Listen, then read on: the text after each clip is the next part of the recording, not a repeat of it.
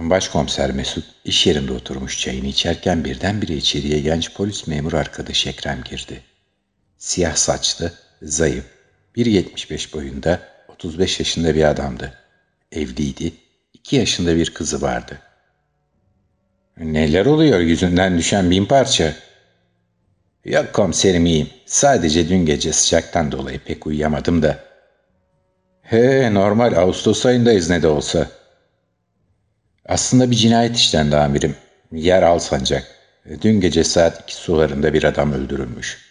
Kurban 33 yaşında bir erkek. Ceset çöp bidonun içinde bulundu. Çöp bidonu mu? dedi başkomiser Mesut. Aynen öyle amirim. Tanık var mı? Maalesef yok. İsmi Murat Yılmaz. Yalnız yaşıyor. Evi Bornova'da. Daha önce herhangi bir suç kaydı yok. Sakin yaşamı olan bir adama benziyor. Onu kimin, niçin öldürdüğünü bulmak biraz zamanımızı alacak gibi gözüküyor. Zoru severim Ekrem, biliyorsun. Hiç bilmem mi amirim?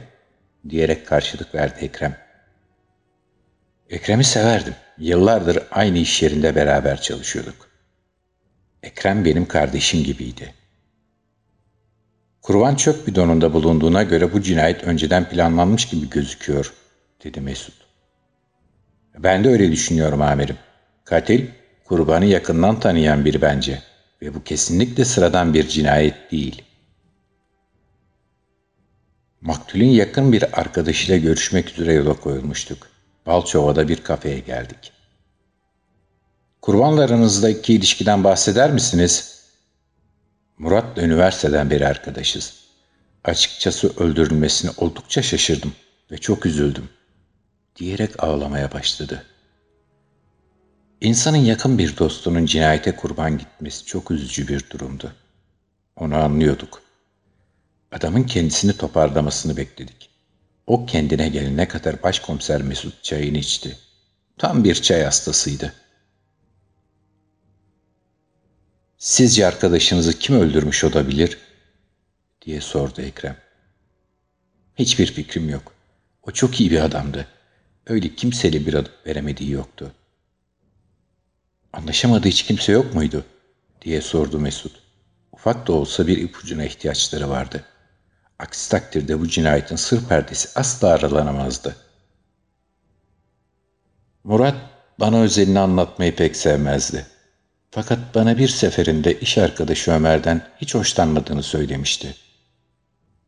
Bunu size ne zaman söyledi? diyerek araya girdi Ekrem. Üç ay önce diyerek yanıt verdi. Ali bebek yüzlü, samimi bir adama benziyordu. Öyle pek yalan söyleyecek biri gibi gözükmüyordu. Tabii yine de belli olmaz diye düşündü başkomiser Mesut. Bazen suçlular en masum görünenlerin içinden çıkabiliyordu. Bunun örneklerine bundan önceki bazı davalarda rastlamışlardı.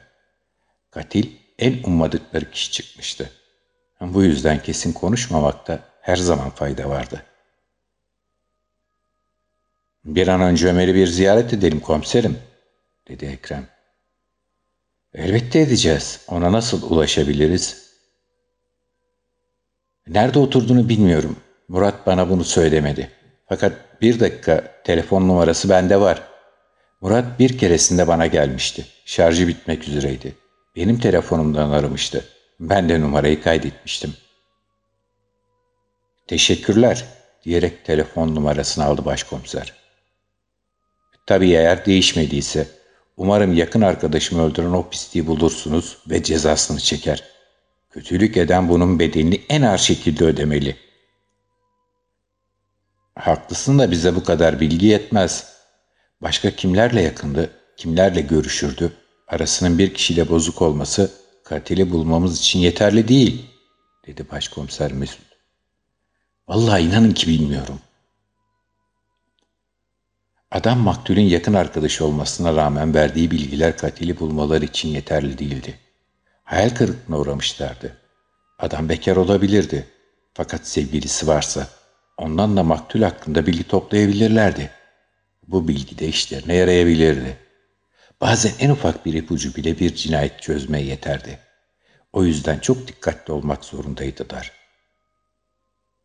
Peki aşk hayatı diye sordu başkomiser Mesut. Sevgilisi vardı, ismi Sertap. Onu nerede buluruz? diye sordu Mesut. Bir dakika, onun telefonu da bende kayıtlı diyerek maktulün sevgilisinin numarasını onlara verdi Ali. Şimdilik burada işleri bitmişti. Arabayla ilerlerken Ekrem konuştu.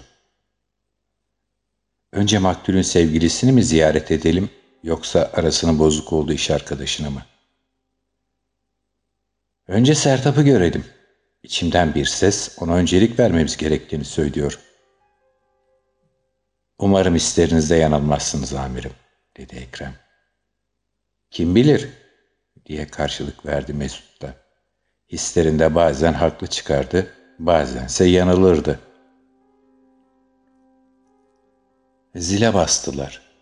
Kapıyı sarışın, uzun boylu, orta yaşlarda çok güzel bir kadın açtı. Karşısında polisleri görünce birden gözyaşlarına boğuldu. Neden geldiklerini anlamıştı. Kapıyı açtı ve kendilerini içeriye davet etti. Evin içi oldukça genişti. Ortada kocaman bir masa, büyük bir ekran televizyon, bir sürü açılan divanlardan vardı. Tek başına yaşayan bir kadına göre evin içinde bu kadar fazla divan olması başkomiserin bunu biraz tuhaf bulmasına neden olmuştu. Kadın son derece perişan, üzgün görünüyordu. Sevgilisini sevdiği belliydi. Başkomiser Mesut birçok cinayet vakasında yer almış, samimi gözyaşlarıyla sahte gözyaşları arasındaki farkı iyi biliyordu. Onu çok seviyordum. Kim böyle bir şey yapar ki? Sevgilimi neden öldürdüler? Niçin? Biz de bu yüzden buradayız. Lütfen bize ondan bahsedin. Onu tanımamız, katili yakalamamız için şart, dedi Ekrem. Yalnız yaşıyordu, tıpkı benim gibi. Fazla arkadaşı yoktu. En samimi arkadaşı Ali'ydi. Hatta bazen üçümüz dışarıya çıkar, birlikte eğlenirdik. Onun dışında arası kiminle kötü? Bunu şimdi bana soracağınızı biliyorum fakat aklıma bir türlü bir isim gelmiyor. Anlaşamadığı birileri mutlaka olmalı. Siz onun hayat arkadaşısınız. Lütfen biraz düşünün. Bu katili bulmamız açısından önemli. Tabii ya birden hatırladım. Geçmişte Cenk'le aralarında borç tartışması yaşanmıştı. Kim kimden borç aldı, kim ödemedi. Borç isteyen Cenk'ti. Murat da ona parayı verdi. Cömert biriydi. Fakat Cenk aradan aylar geçmesine rağmen borcunu geri ödemedi. Murat'ın da o dönem paraya ihtiyacı vardı. Parayı yine geri alamayınca kendisiyle bir daha görüşmek istemediğini söyledi. Daha sonra Cenk Murat'ın kuzenine asıldı. Bu Murat'ı oldukça kızdırdı. Gitti ve o gün Cenk'le yumruk yumruğa birbirlerine girdiler. Bir daha da görüşmediler. Sizce bu bir cinayet nedeni olabilir mi? diye sordu Ekrem. Sanmıyorum. Çünkü bu bir sene önce yaşanmıştı. Sevgilimi öldüren kişinin amacı bence başka olmalı. Ne gibi diye sordu Mesut. Bu konuda bir fikir yürütemeyeceğim. Bazen en ufak bir neden bile cinayet işlemeye yeter. Anlık bir sinirlenme hali. Hatta can sıkıntısı bile. Haklısınız. Hatta bazen sırf öldürmek için bile öldürenler çıkabiliyor diyerek yorumda bulundu Ekrem'de. Şu Cenk'e nasıl ulaşabiliriz? O İstanbul'a taşındı. Onun dışında başka bir bilgim yok. Bu kötü oldu işte, dedi Mesut. Oradan da ayrıldılar.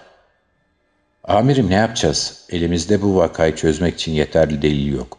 Olay yeri incelemeden de haber yok. Kim öldürdü bu adamı? Kimseyle sorunu olmayan, fazla arkadaşı olmayan, sevgilisiyle arada bir eğlenen, sakin bir hayatı olan adamdan bahsediyoruz. Maalesef öyle. Şu iş arkadaşını da bir ziyaret edelim bakalım. Evet, sıra onda diye karşılık verdi Ekrem. Ömer polisleri karşısında görünce bir hayli şaşırmıştı. Murat'ın ölümüne üzüldüm. Ancak size bu konuda yardımcı olabileceğim yeterli bilgim yok. Yani benim için ziyaret ettiğinizi anlamış değilim. Aynı iş yerinde çalışıyorsunuz. Bu bir cinayet vakasında siz ziyaret etmemiz için yeterli, dedi başkomiser Mesut. Peki ne öğrenmek istiyorsunuz? Nasıl biriydi? Onunla aynı iş yerinde çalışıyor olmamız onu tanımam anlamına mı geliyor?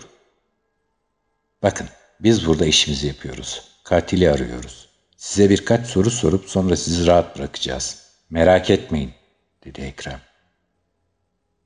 Peki, dedi adam. Oldukça sıkılmış görünüyordu. Şu lanet olasıca sorular bitsin de bir an önce gitsinler, dedi içinden. Onu tanımıyorum. Bu binada aramızdaki ilişki oldukça resmiydi.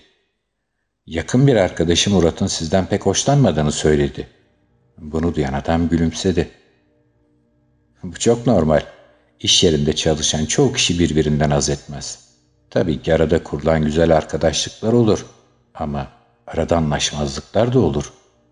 Bu iş dünyasının bir parçası. Açıkçası benden için hoşlanmadığını bilmiyorum. Hiç tartışmadık. Fakat bunu duyduğuma da üzüldüğümü söyleyemem. Çünkü aramızdaki muhabbet merhabadan öteye gitmiyordu. Bilmem anlatabiliyor muyum? Üzüldüğüm kısım öldürülmesi oldu. Bu çok korkunç. Umarım katil en kısa zamanda bulunur ve cezasını çeker. Adam samimi görünüyordu. Peki sizce bunu kim yaptı? diye sordu Ekrem.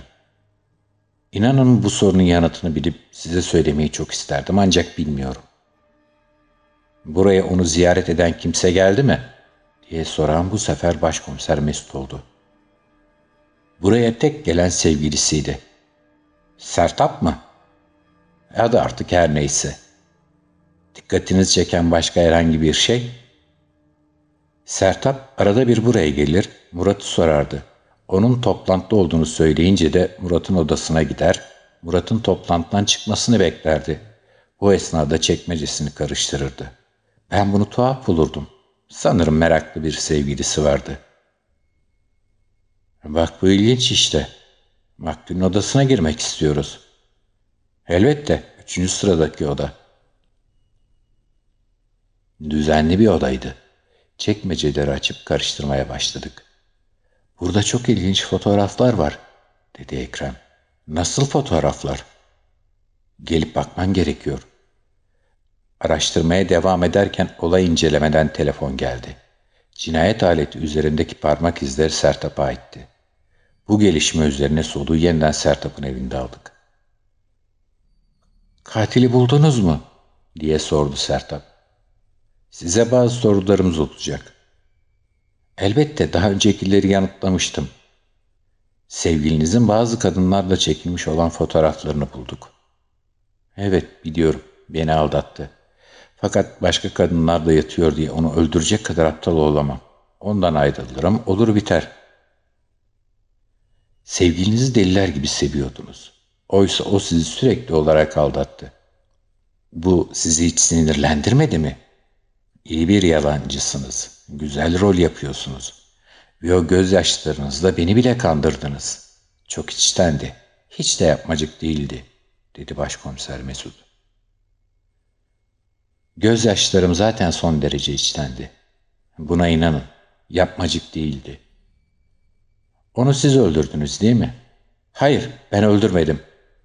Cinayette kullanılan bıçak üzerindeki parmak izlerinizi nasıl açıklayacaksınız? Sertap ağlamaya başladı. Evet, onu ben öldürdüm. Onu öldürmemin tek nedeni beni aldatması değildi. Bir keresinde yine iş yerine gitmiştim. Toplantıdan gelmesini beklerken çekmecelerine bakmaya başladım. Orada buldum fotoğraflar aklım başımdan aldı. En fazla 12-13 yaşlarında gözüken birkaç kız çocuğuna tecavüz ediyordu. Ve o tecavüz ederken birileri fotoğraflarını çekmişti. Günlerce gözüm uyku girmedi. Süre zarfında onunla görüşmemek için bahaneler uydurdum. Psikolojim alt üst olmuştu. Nasıl bir sapıkla birlikteydim. Bir akşam eve geldiğinde ona bağırarak her şeyi bildiğimi söyledim. Bana saldırmaya başladı. Ondan zar zor kaçarak mutfağa gittim. Ondan kurtulmalıydım. Öyleyse hasta sapıkların hapse girmesi yetmezdi. Böyleleri dünyadan silinmeliydi. Çünkü o bir pedofiliydi. Bıçağı aldım ve sertçe sapladım. Anında yere yığıldı. Sonra onu gece vakti arabama taşıdım. Aklıma ceset çöp bidonuna atmak geldi. Ondan nefret ediyordum. Deli gibi sevdiğim adamdan birdenbire nefret etmeye başlamıştım. Pişman değilim. Şimdi karşımda olsa yine yapardım. Anlıyorum diyerek kelepçeyi taktı başkomiser Mesut ve bir cinayet vakası da aydınlığa kavuşmuş oldu. Sertap elleri kelepçeli bir halde cezaevine doğru götürüldüğü esnada 13 yaşlarında esmer, zayıf, ağlamaktan gözleri şişmiş olan bir kız çocuğu pencereden onları izlemekteydi.